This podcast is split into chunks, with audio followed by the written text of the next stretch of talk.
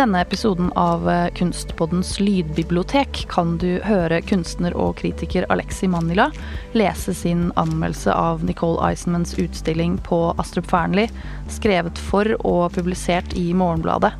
Du kan høre Alexi Manila og Cecilie Tyreholt samtale om Nicole Eisenmans utstilling og denne anmeldelsen i Kunstpoddens episode Nicole Eisenman.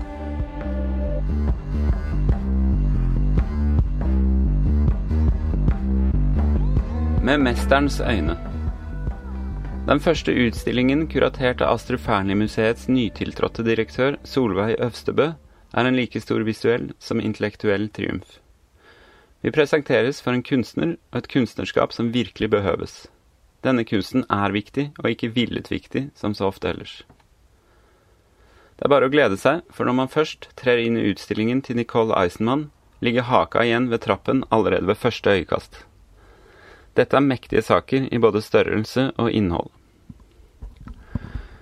56 år gamle Eisenmann, født i Verdun i Frankrike og bosatt i New York, har allerede rukket å være professor ved Bard College og stille ut ved prestisjetunge institusjoner som MoMA, SF MoMA, Carnegie Museum of Art, Kunsthalle Zürich, Venezia-binalen og Wien-biennalen. Den siste hele tre ganger.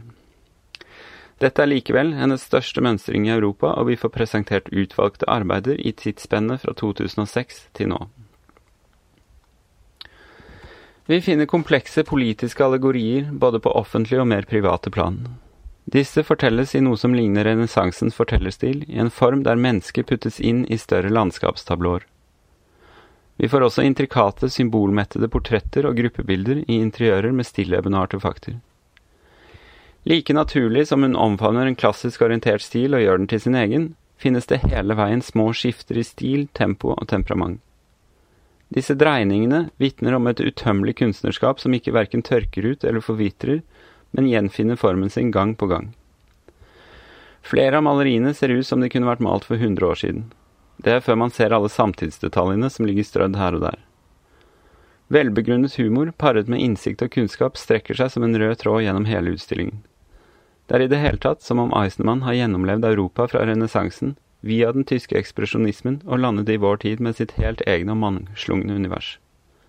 Abstrahert tegneserie i det ene øyeblikket, klassisk skolert maleri i det neste, og alltid med håndverket solid i bunn. Skulpturinstallasjonen Procession, som etterlater det førstnevnte hakeslippet, tar hele museets første sal i bruk. Det ble produsert i Witney-biennalen i 2019, og imponerer med sin kompleksitet og sitt samspill figurene imellom og detaljene innbyrdes. Det er virkelig verdt å kjenne sin besøkelsestid her. Og tiden man investerer i dette rommet, kommer godt med som åndelig valuta i resten av utstillingen. Detaljfloraen i installasjonen er like rik som materialbruken. Alt fra enorme bronseskulpturer i klassisk forstand til spesialproduserte klistremerker og firkantede gummidekk, gips, leire, vann, bevegelse av røyk, sveiset metall og betongstøp. Verket består av en figurgruppe på ni som alle trekker i samme retning.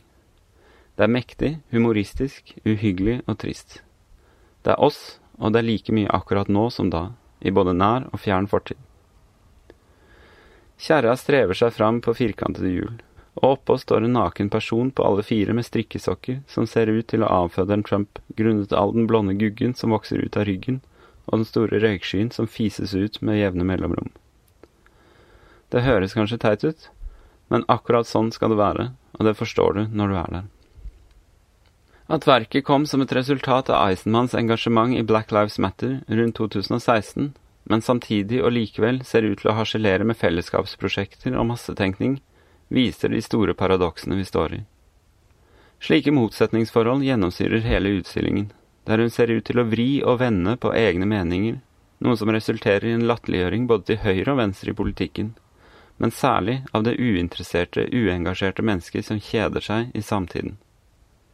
Den høyreridde vinden blir i bildet Tea Party f.eks. portrettert som en livstrett gjeng, mekkende på en bombe, med giddeløse og likegyldige uttrykk, og en krokrygget eldre gubbe med fingeren sin trygt plassert i nettopp en kopp te. Ikke bare er det håndverksmessig svært bra, det er altså en så til fingerspissene presis raljering med tiden vår og livene vi lever, som sett ovenfra. Likevel er det slik at man i tillegg til den konkrete tematikken, altså hele kobbelet av samtid, symbolikk og politikk, også heldigvis kan forstå verkene på et mindre konkret og isteden mer åndelig fritt plan, der fakta blir lagt vekk og de universelle følelsene i mennesket får spillerom. Jeg går ut fra Astrup Fearnley-museet med en visshet om at vi har møtt en virkelig mester, en som ser for oss og dekoder og rekonstruerer samfunnet med alvor, satire, humor og galskap. Denne utstillingen blir forhåpentligvis så snart den bare får åpne dørene en skikkelig publikumssuksess. Tidsregningen på Tjuvholmen begynner nå. Det vil alltid være et før og etter dette. Kunstpodden lages med støtte fra Kulturrådet, Koro og Fritt Ord. Jeg heter Cecilie Tyreholt. Vi høres i neste episode.